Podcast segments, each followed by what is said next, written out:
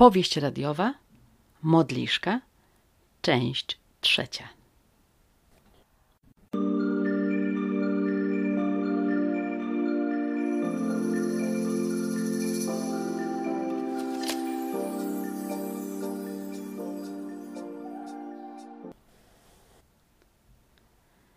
Deszcz wrześniowy dzwonił miarowo o szyby. Płyta lotniska błyszczała od strug wody, a ona, Weronika, lat 39, dyrektor generalny B&B, oddychała pełną piersią. Oderwała wzrok od widoków za oknem. Dyskretnie rozejrzała się po podróżnych, oczekujących na swoje loty. Jedni leniwie odliczali czas do boardingu, inni przykuci do swoich laptopów ścigali się o palmę pierwszeństwa najlepszego pracownika – a jeszcze kolejni toczyli mniej lub bardziej dyskretne swoje rozmowy służbowe i prywatne, a nawet intymne. Ponieważ od wejścia na pokład dzieliła Weronikę jeszcze ponad godzina, wyjęła z torby jej podręczny notes i zaczęła planować zadania, którymi przyjdzie się jej zająć tuż po powrocie. W kolumnie lewej równym, drobnym pismem odnotowywała zawodowe cele, po prawej swoje prywatne zaległości – dokładnie zaległości. Jej sprawy prywatne nie miały nadanego priorytetu. No, poza jedną. Weronika nieustannie na pierwszym miejscu stawiała sprawy zawodowe. Rozum podpowiadał jej, że to błąd, że powinno być odwrotnie, ale dla niej praca była zawsze ważna. Zawsze mówiła, że kocha to, co robi.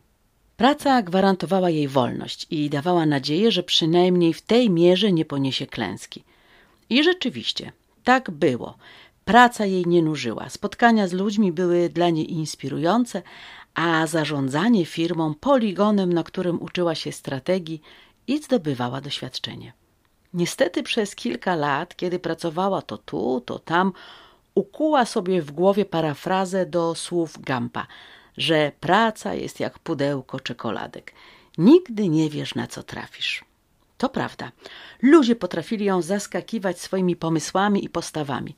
Przy wpisywaniu w plan działania hasła zmiana lidera Weronika zawiesiła długopis w powietrzu. Oderwała wzrok od kartki, sięgnęła ręką do torebki, wyjęła z niej telefon i zaczęła przeglądać zdjęcia z ostatniego wyjazdu jej grupy na trening interpersonalny połączony z integracją zespołu.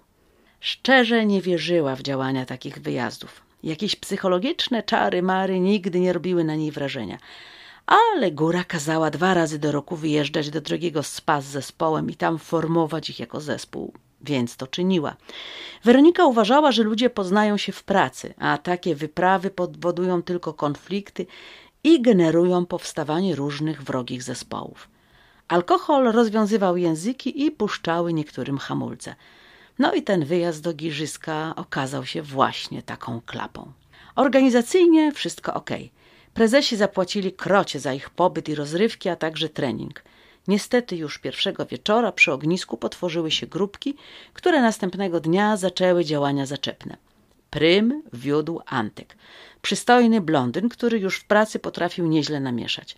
Nieustannie wchodził w jakieś mało profesjonalne relacje z podwładnymi. Korzystał nad wyraz z tego, że był szefem jednego z działów. Jako lider miał silny wpływ na grupę. Niestety manipulował ludźmi i wykorzystywał sytuację do zaskarbiania sobie przychylności przełożonych.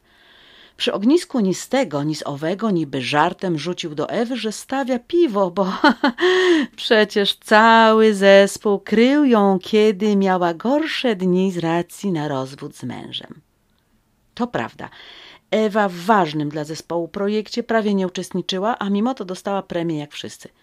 Ale wtedy Antek sam zaświadczał, że się jej należy, bo trzeba zrozumieć sytuację.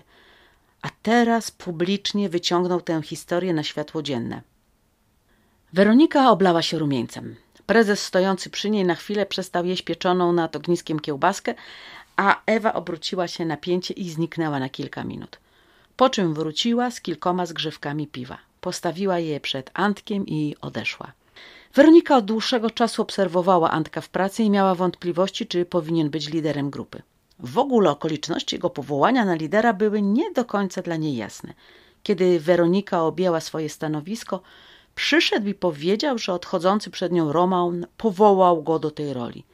Nie było jednak szans na zweryfikowanie tej wiadomości. Roman po odejściu z korpo zerwał wszystkie kontakty i dosłownie zapadł się pod ziemię. Szefostwo, nie chcąc robić zamieszania, przyjęło Antka oświadczenie za pewnik i tak oto nastał lider.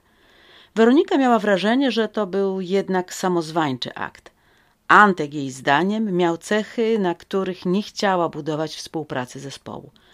Pozornie był uprzejmy, był nawet dżentelmenem, niby miał jakieś pomysły, ale tak naprawdę miała wrażenie, że poza niekończącymi się prywatnymi rozmowami w pracy nie robi nic. W korpo to trudne, ale Antek był przykładem tego, że całkiem możliwe. Poza tym Weronika nigdy nie wierzyła ludziom złotoustym. A ten, a ten właśnie taki był.